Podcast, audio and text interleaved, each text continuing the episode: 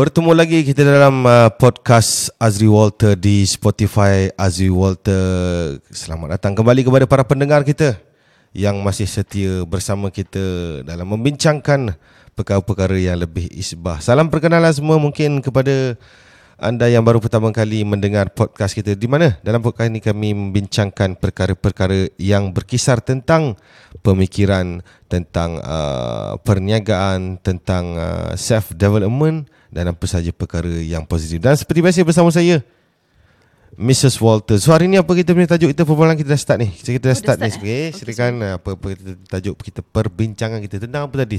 Tentang konsep apa perkara tadi? Itu banyak perbincangan Masa tu lah Uh, mungkin tentang ni apa ni oh ni uh, rentetan daripada pengalaman uh, kita berurusan dengan uh, apa ni? Yalah saya sendiri pun kalau kita nak cerita saya sendiri hmm. ada pengalaman lah dengan uh, beberapa orang lelaki lah yang sebelum ini pernah kita nak buat deal business. Kemudian uh, mula apa ni dia kata nak nak bincang dulu dengan isteri kan? Ada yang ada satu ketika pulang balik kita return balik duit kan sebab Oh, tak isteri jadi beli. tak jadi beli uh, sebab, Sebab isteri isteri, tak sebab isteri tak bagi dah. Jadi saya okey saya nak okay, menangkan Mr Walter ada dari kacamata wanita.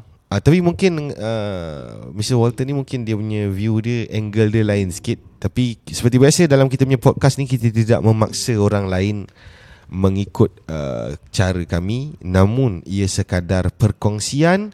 Mungkin boleh membuka minda mungkin kita boleh berfikir semula. Jadi okey saya nak tanya. Kita buat apa ni Q&A lah. Dari kacamata wanita for the first place mungkin majoriti dalam masyarakat kita Hmm. saya tak tahulah mungkin saya rasa ada macam kita tengok kes-kes yang berlaku ni. Hmm. saya rasa ada lah orang yang mana uh, bila dia nak buat sesuatu maksudnya mungkin isteri dia kawal duit dia ke macam mana isteri kawal duit isteri uruskan apa ni isteri pegang kad ATM dia isteri nak kena tengok duit dia pergi mana isteri setiap masa nak kena tanya jadi saya rasa bagi saya lah bagi saya sa- benda tu macam not necessary sepatutnya tak perlu Mungkin bagi saya ni adalah sebahagian daripada ropol-ropol masyarakat kita yang memeningkan. Tapi ada orang suka, ada orang suka terpulang sekian. And terpulang tapi bagi saya taklah. Uh, okay, terutamanya terutamanya untuk usahawan. Jadi apa pandangan Mr. Walter? Pandangan saya.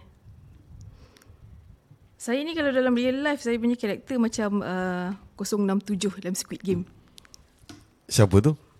Dia yang last Mana? sekali Perempuan yang last sekali mati tu Oh, okay. Ha, ya, yeah, ya. Yeah. Okay. Betul tak? Mm-mm. Um, okay First of all apa yang saya nak cakap ni Memang bercanggah Dengan stereotip pemikiran Pemikiran stereotip um, Dekatkan sikit. Ha. Okay. Pendapat saya sememangnya bercanggah.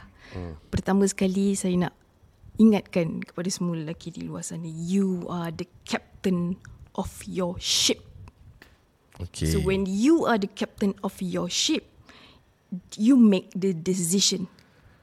Tapi kalau tapi yalah dari sudut mungkin ada wanita yang apa mungkin dia nak nak tahu nak apa nak check apa semua macam mana eh? jadi daripada mana datang konsep ni ya konsep ni Konsep okay.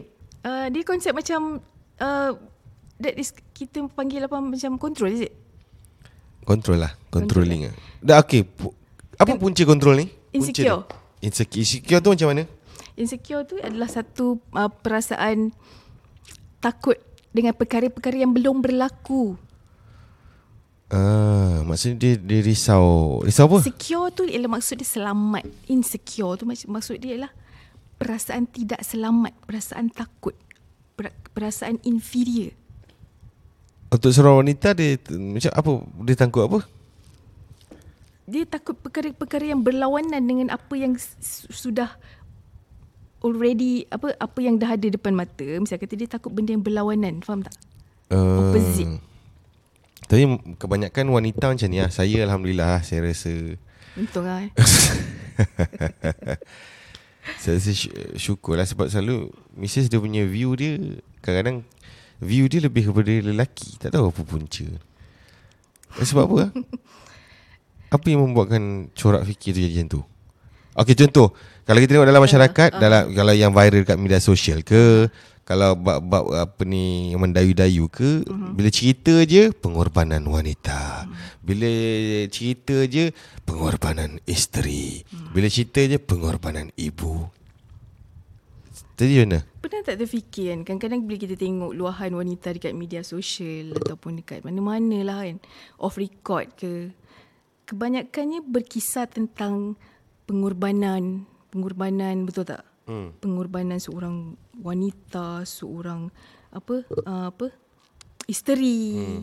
Kan And then uh, Bila dia dah start cerita Pasal apa Jasa uh. You know Apa lagi jasa apa apa betul tu lah tak ingat kan? ke jasa-jasa pengorbanan apa ha. semua dihargai ah ha, dihargai yes. tapi pernah tak terfikir ada satu lagi makhluk hmm. yang jarang diperjuangkan ha. Kan ini yang adakah kita mahu dengar yes adakah makhluk ini tidak punya hati dan perasaan dan nama makhluk itu adalah lelaki which is yang bukanlah kita nak menidakkan tapi yang yang menggerakkan Aha yang menggerakkan. Kenapa bila part nak appreciate je kan? Mesti kita wanita. nampak mesti nak kena appreciate perempuan. Mm-mm. Bila part nak apa? Menghargai je mesti nak kena menghargai wanita, jasa-jasa wanita bila lelaki tak ada jasa apa? Mm-mm. Betul? Betul tak? Oh, punca. Jadi macam mana nak buat? Kenapa kita terlalu, terlalu stereotype kan? Mm. In whatever situation, lelaki kena mengalah. Faham hmm. tak? Kenapa kena begitu? Itulah. Dan dan dalam dalam dalam banyak perkara selalu perempuan tak pernah salah. Kenapa? Pelik kan? Saya perempuan tapi saya memperjuangkan lelaki. Betul tak? Pelik kan? Saya pun tak tahu. Kenapa? Hmm. Tapi saya memang saya memang saya, saya memang macam ni. Saya memang alfa. Hmm. Sebab saya tak faham kenapa kadang perempuan banyak sangat Tapi mungkin kadang orang cakap mungkin sebab dia Mrs. Walter saya sebelum jadi Mrs. Walter pun uh, memang begini. you lah kan. Uh. Uh, jadi itulah antara salah satu sebab. Terpikat. Uh, uh, kan. jadi senang. Jadi maksudnya macam saya pula jenis memang visionary kan. Jadi saya nampak, oish benda-benda ni semua. Taklah kalau kebanyakan wanita saya pertama masa berita terkini nak tengok sama-sama. Eh pernah tak pernah tak terfikir eh. Ha. Okay. Seorang lelaki ni dia pergi bekerja kat luar tau. Ha. Penat satu hari penat ni menghadap uh, majikan, menghadap bos, menghadap klien eh, hmm. menghadap uh, hujan panas dekat luar ni hmm. demi mencari rezeki eh. Hmm. Nampak tak perjuangan dia dekat luar eh. Hmm. Kita tak tahu apa makhluk bernama lelaki ni entah makan sempat makan ke tidak hmm. kan? Minum air pun tantah teguk air pipe kita hmm. tak tahu eh? Tiba-tiba balik hmm. bini dia muncung. Oh istilah cuba uh, fikir ini kan. selalu buat berlaku tak yes. Kadang bila budak-budak ni tim kita pun kadang ha, ada kadang. Sebab benda ni berlaku di sekitar di sekitar kami. Ah, maksudnya dia okey wanita tu uh bila dia dah cerita pasal emosi dia dia tak peduli lah pasal laki tadi kat luar. Yeah, Betul tak? That's why. Kecenderungan hmm. untuk mengutamakan emosi dia ni hmm. maka membuatkan dia lupa emosi orang yang baru pulang tu. Betul. Kan? Tapi tak tahulah mungkin tapi kalau zaman-zaman mak kita lain tak? Zaman-zaman dulu eh zaman ha. uh, dia semenjak kita saya nampak kecelaruan ni hmm. paling nampak dia menjadi-jadi semenjak media sosial. Hmm. Lah kerana ada pula jenis orang yang buat konten. Mm. Oh kan. Surprise lah kat pasangan dia record video. Mm. Lepas tu tunjukkan betapa kasih dan sayangnya mm. seorang suami walaupun dia usahawan tapi dia ada mm. dia ada masa bersama keluarga. Lah lepas tu datang pula Kak Kia apa semua. orang ni boleh dia dia lagi berjaya ha, macam mana?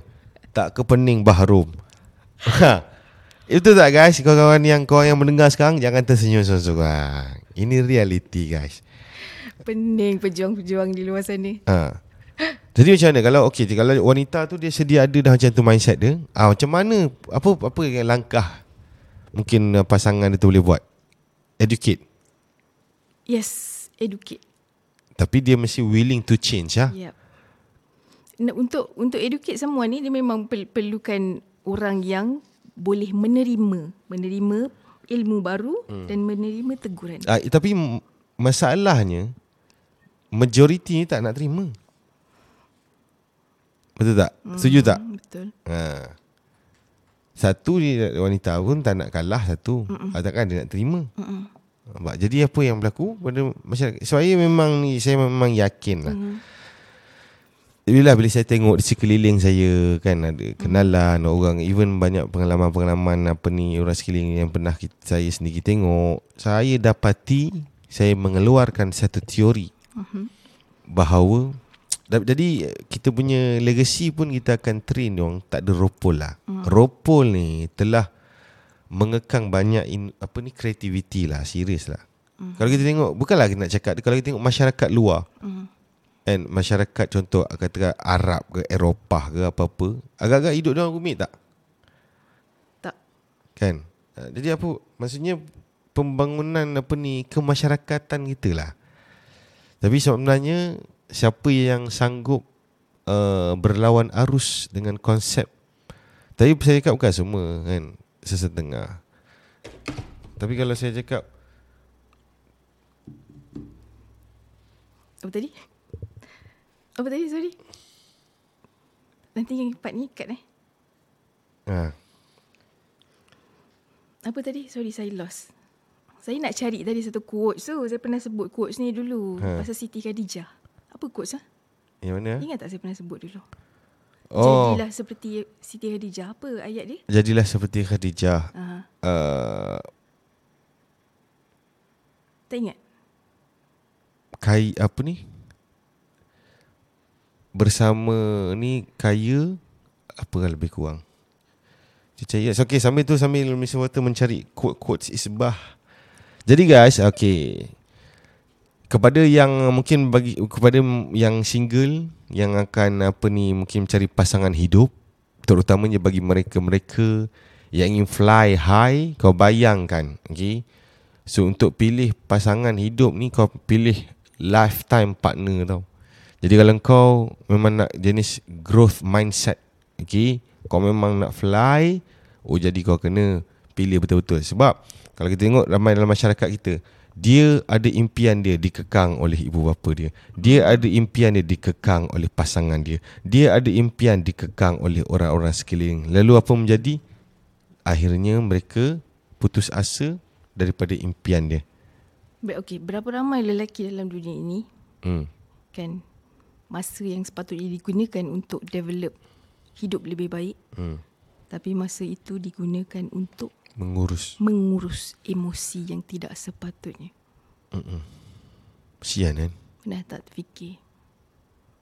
Tapi saya kalau dari side lelaki saya rasa memang Hmm. lelaki Ah, saya dah ingat. Okay. Saya dah ingat. Dia, ni, um, quotes tu, uh, jadilah wanita seperti Siti Khadijah. hmm. Ada suami kaya, tiada suami pun kaya. Hmm. Saya suka quotes tu. Ini dia, itu bermaksud, okay, quotes ni bermaksud, mak, maksud dia very wise. Hmm. Okay, maksud dia seorang wanita tu, kan, dia sedia ada handal, hmm. bersama suami pun handal, kan. Maksudnya sebelum bersama suami pun dia dah memang handal. Hmm. Betul. Sep- Faham tak Supposedly macam tu. Tak handal ni okey. Hmm. Katakanlah orang tu dia dia Okey, wa- wanita yang dia terlalu dia selalu nak control duit suami dia sebab apa? Sebab dia tak ada duit lah. Sebab dia tak ada, dia tak dia tak ada make money as simple as that. Takut. Betul tak? Dia tak ada Saya- saya nak duit, tanya, dia okey, tak ada apa. Okey, sepanjang sepanjang kita punya marriage, pernah tak saya tanya, berapa gaji bulan lepas? Pernah tak saya tanya? Tak pernah. Tak pernah. Mm-mm. Ya. Income berapa? Betul tak? Mm-mm. Saya tak pernah tanya. Kenapa saya tak pernah tanya? Sebab saya pun sibuk nak menguruskan duit saya. Mm-mm. Betul tak? Uh-uh. As long as pada saya, okey, Okey, kalau dia suri rumah macam mana? okey kalau di suri rumah, ini, ini pendapat saya eh. Uh. dia tak perlu kontrol sampai ke tahap uh, bayar apa, bayar bagi ni berapa, ba- bagi mak berapa, bagi adik berapa, bagi abang, oh abang pinjam duit ke? Ataupun apa, oh bela beli apa, faham tak? There's no need sampai ke tahap itu. Okey, ke- Sebab apa? Saya tahu satu perkara yang Ha. perkara ni tak ramai wanita tahu. Okey. Okey. Lelaki paling tak suka dikontrol. Hmm, betul. Betul.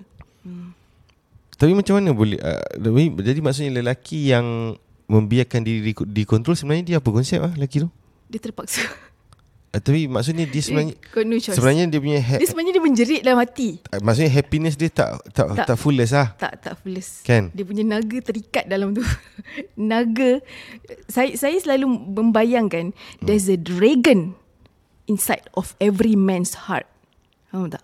Ada naga dalam dalam setiap jantung lela, hati lelaki ni dia ada naga sama ada naga tidur terikat tak boleh bangun kan ataupun dia dah dah apa cakap dah keluar Saya keluar. saya simple lah. Kalau saya saya saya keras lah. Kalau saya saya keras eh. Ah. Saya tak peduli siapa lah Kan? Maksudnya kalau contoh saya dah set goal Kalau kita nak fly Fly Ada yang mengkang Kita kena tali tu kita potong Kita potong Pasti kita fly lah. Kan? Ah, Tapi Dalam Apa Kemasyarakatan kita Lain konsep dia. Kan? Saya teringat satu Ayat Al-Quran. Boleh ke kita petik kan? Sila, sila. okay.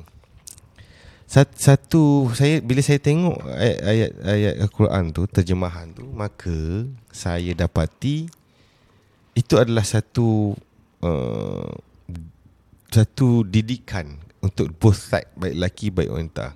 Allah sebut dalam wahai nabi jika isterimu hmm. menginginkan kemewahan dunia hmm. dan harta benda maka berikanlah pemberian, pemberian mutaah dan lepaskan dengan cara baik. Hmm.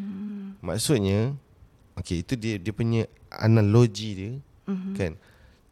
Itulah maksudnya okey dia terlalu banyak dunia ni maksudnya hmm. dia dia banyak drama pasal dunia ni sehingga hmm. membuatkan hmm. hidup dia tu hmm. lelaki tu hmm. mengganggu urusan akhirat dia satu. Iyalah, hmm. okey kalau dunia kita tak tak tak tak tak happy ah, macam mana akhirat kita? Simple je. Hmm, macam mana? Hmm, Betul tak? Hmm. Tak masalah banyak. Hmm. Kepala otak macam-macam benda. Hmm. Betul. Ah, betul. Lepas tu dah- dengan dah jadi- jadi dengan macam wah tu, macam ni dengan tu, okey agak-agak macam Nak mana ibadah? tak tenang, betul tak? yes. Ah. Tapi tapi orang punya view Hmm.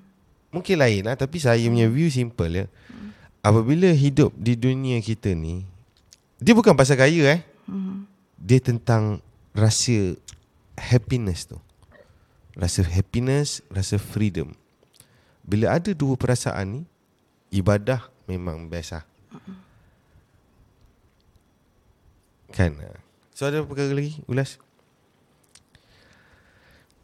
Eh, Jad- topik topik kita tak tersusun eh. Tak, memang berdal je. Mm-mm. Tapi sebenarnya by, by the way untuk semua pendengar eh, semua hmm. kita punya podcast ni tak ada skrip eh. Tak ada skrip dan tak ada plan. Mm-mm.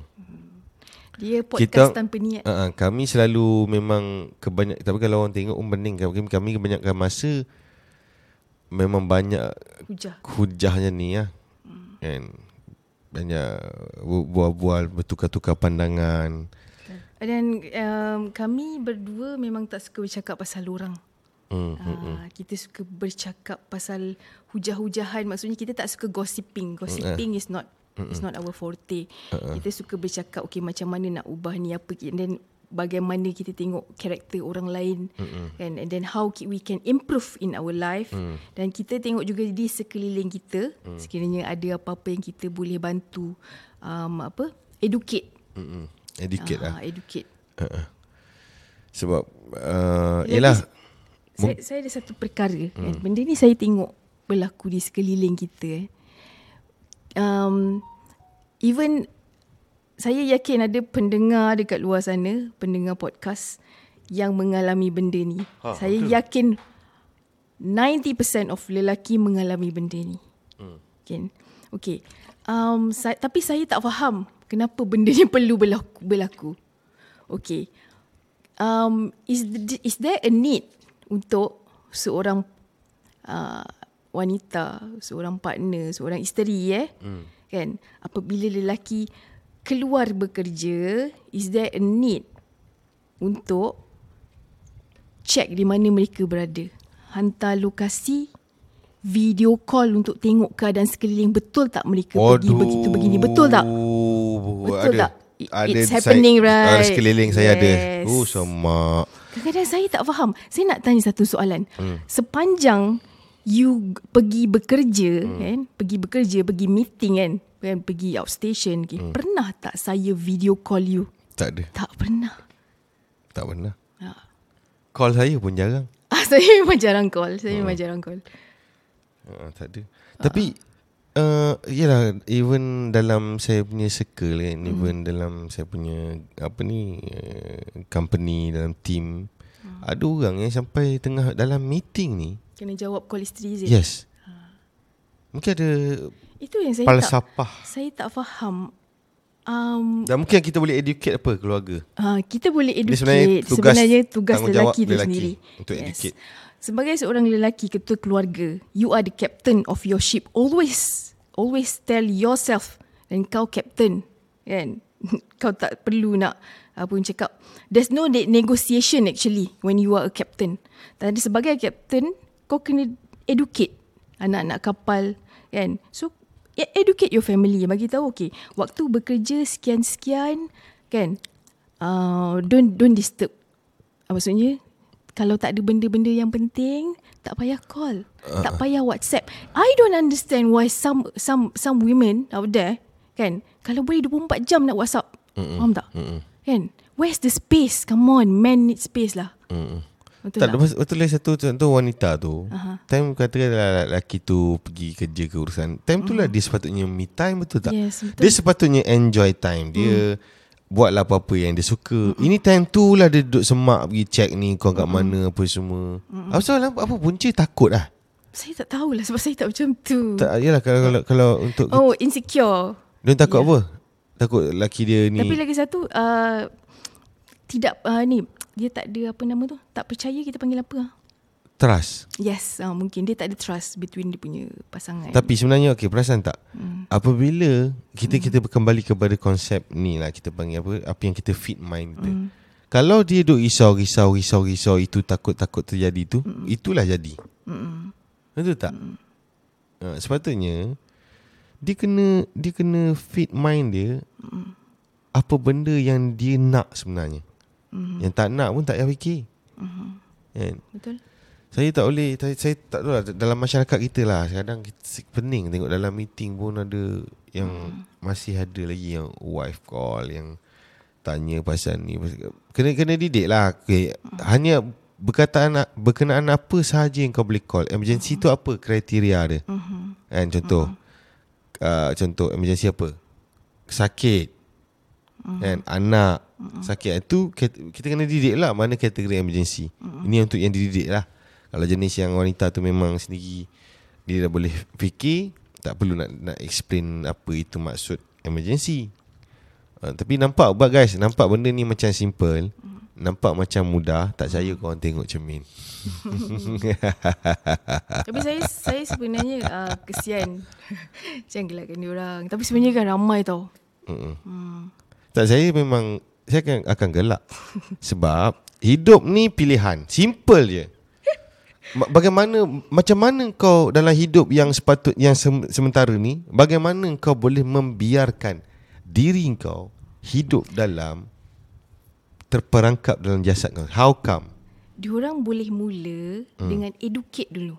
Cuba dulu educate, cuba cuba hmm. educate, you know. Hmm. And untuk educate uh, orang ni bukan kerja yang cepat dan mudah. hmm. Ada kalanya mengambil masa yang sangat lama dan sangat panjang. Hmm. Uh, so Atau- nasib kurang lah. Atau bulang lah nasib lah Ah. Kalau kau rasa kau boleh sabar adab Kau adab Lepas tu kalau rasa tak boleh adab Kau pandai-pandai lah Apa nak buat Nasib lah Tak simple je Tak kenapa lah Hidup kita dalam Dalam masyarakat kita ni Terlalu banyak Rupul. Ropol lah Letih lah eh.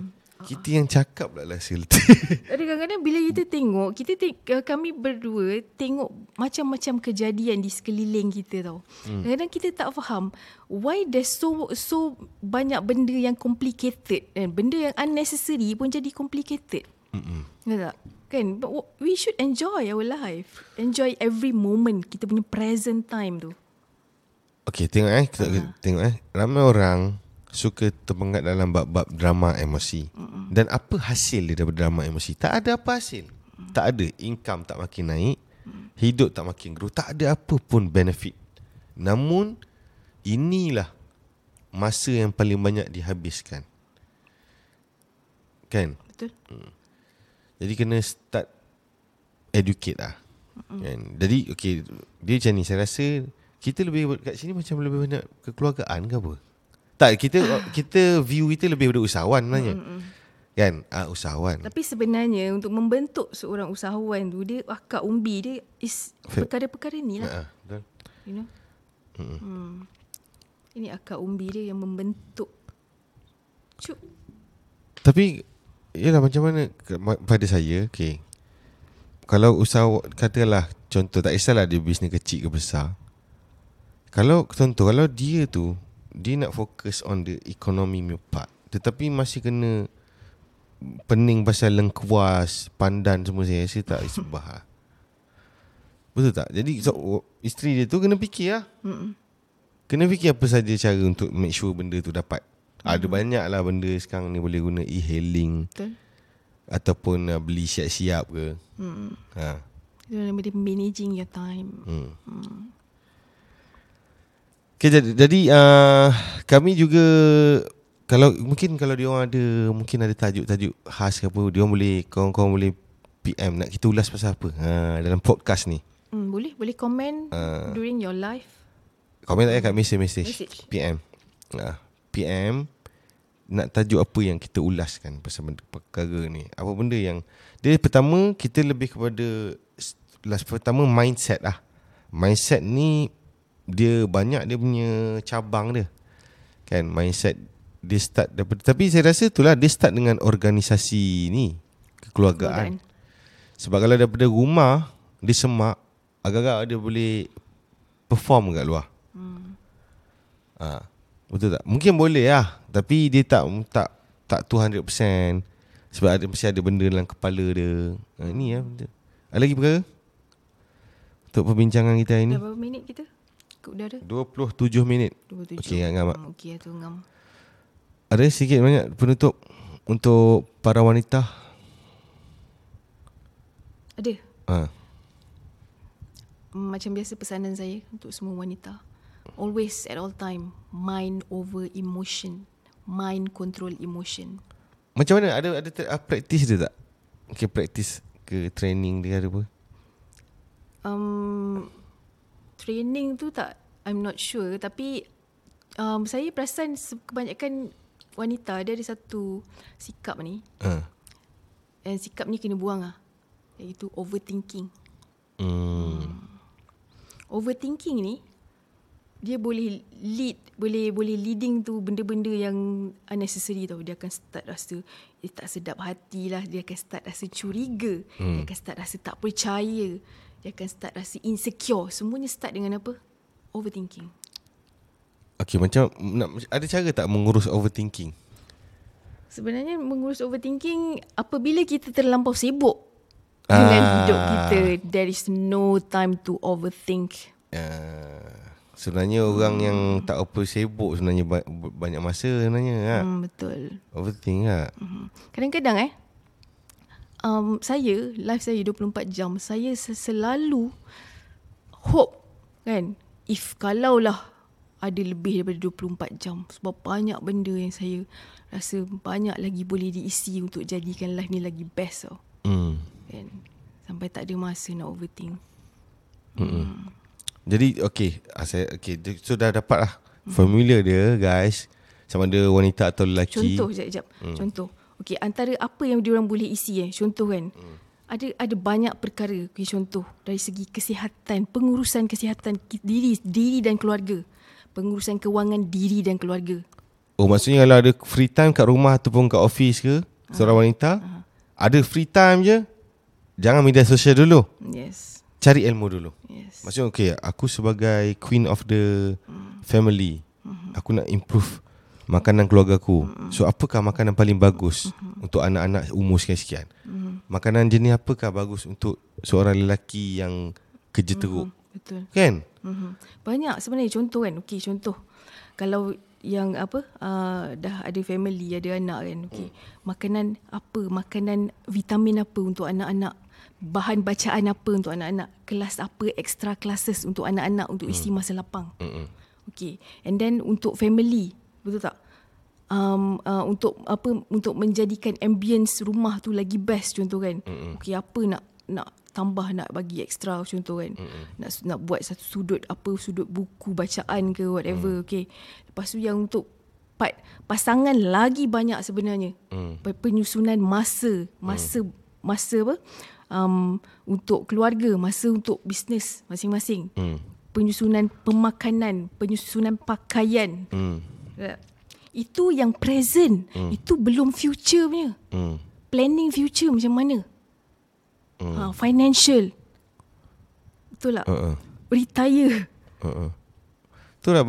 Sepatutnya ada banyak benda yang boleh cari. Okey, contoh. Terlalu banyak contoh, sebenarnya. Agak-agak berapa hmm. ramai wanita hari ini hmm. yang kalau dia beli barang tapi dia kaji tentang ingredient.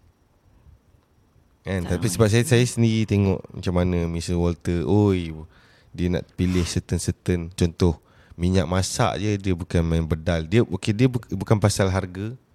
Okey, dia dia always fokus apa yang paling terbaik. Atau dia, dia itu satu lepas tu prompt dia buka Google lagi dia tengok bahan-bahan ni apa, ni apa untuk apa, ni apa. Wah dia saya rasa tak mungkin ramai orang tak ada exposure ni lah saya rasa kan. Hmm. Okey, dah tahu tak sebab apa? Ha. Masa saya memang tak cukup untuk buat benda-benda yang untuk mengkaji hidup orang lain kerana hmm. saya banyak mengkaji tentang hidup saya. Hmm. Nampak? Saya nak beli itu baru makanan eh. Hmm. Kan? Sedangkan saya nak beli kasut pun saya kaji. Hmm. Kan betul tak? Banyak that's why I don't have time untuk kaji benda-benda yang di luar kawalan saya. Hmm. Hmm. Betul tak? Hmm, betul. Ha. Mm-mm. Contoh okey. Contoh kenapa ramai perempuan di insecure bila suami dia keluar daripada rumah, okey bekerja dia tak nampak depan mata kan. Mm. Kan? Dia dah start rasa insecure kan. Kenapa dia perlu sampai tahap mengkaji benda yang di luar kawalan dia? Mm-mm. Ha, lebih baik dia fokus di dia apa aku boleh improve. Ha. Aku sebagai seorang isteri, aku seorang sebagai seorang ibu mm-hmm. dan yang lepas tu dah faham dua tu Lepas tu fokus pula Okay Sebagai seorang isteri Apa bahagian Apa benda nak kena improve Apa ilmu baru nak kena cari Apa nak kena belajar Ini video apa nak kena dengar Kat bab apa ni Sebagai ibu Apa benda aku nak kena belajar Cara-cara bercakap Dengan anak ke hmm. Apakah alat bahan Macam mana teknik Apa hmm. semua Itu yang untuk kekeluargaan Untuk hmm. wanita yang ada kerjaya dan bisnes Lagi banyak sebenarnya Yang kurang boleh buat hmm. I mean untuk Develop untuk develop career sendiri untuk develop business ni sendiri untuk susun your own financial sendiri You know Banyak sebenarnya Mm-mm. There's no time Untuk overthink Stop Overthinking ni Should be stop Dan kalau korang lelaki Dekat luar sana mm. Okay cuba Educate Kan Wife masing-masing mm. To not overthink mm. ha. Cara untuk Tadi lah kita mm. sharing tadi Cara untuk tak overthink adalah Jangan ada banyak masa terluang mm-hmm. ha. Kan kena sibukkan diri kalau cara macam nak sibukkan diri pun nak kena ajar juga letih lah kan tapi mungkin apa uh, next time kita boleh tapi uh, saya rasa a very good session mm-hmm. mungkin tak tak ramai orang perasan kan sepatutnya ketika masa lapang tu kadang dia pun tak tahu apa benda dia nak ap, tak bayangkan mm-hmm. lagi teruk ialah lagi kesiam kan teruk lah kita mm-hmm. empati kan mm-hmm. lagi yang isbah ialah dia seseorang tu sampai tak dia tak tahu apakah benda ilmu baru yang dia kena cari sebab dia pun tak tahu dia kurang kat mana. Oh itu lagi. Hmm. Masya Allah. Ada ke macam tu guys? Korang yang dengar ni? Na'udzubillah. Harap-harap tak ada lah. Sebab kalau kita, diri kita sendiri pun kita tahu kat mana kurang, kat mana lemah, kita dalam bahaya lah. Hmm. Okay? So sebab tu sebenarnya, setiap hari kena selalu muhasabah diri sendiri dulu lah. Hmm. Terutamanya kan. Okay? Ada uh, satu pepatah ni. Hmm uh, apabila kita terlalu sibuk mm. mencari dan mengkaji kesilapan orang lain mm. sehingga kan kita terlupa mm. melihat kekurangan diri sendiri. Mm. Itulah sebenarnya. Mm. Sim- maksudnya dapat dihuraikan cara untuk mengenal pasti diri sendiri kurangkan tengok orang yang luar daripada diri kita. Semoga berjumpa lagi. Semoga bermanfaat untuk semua.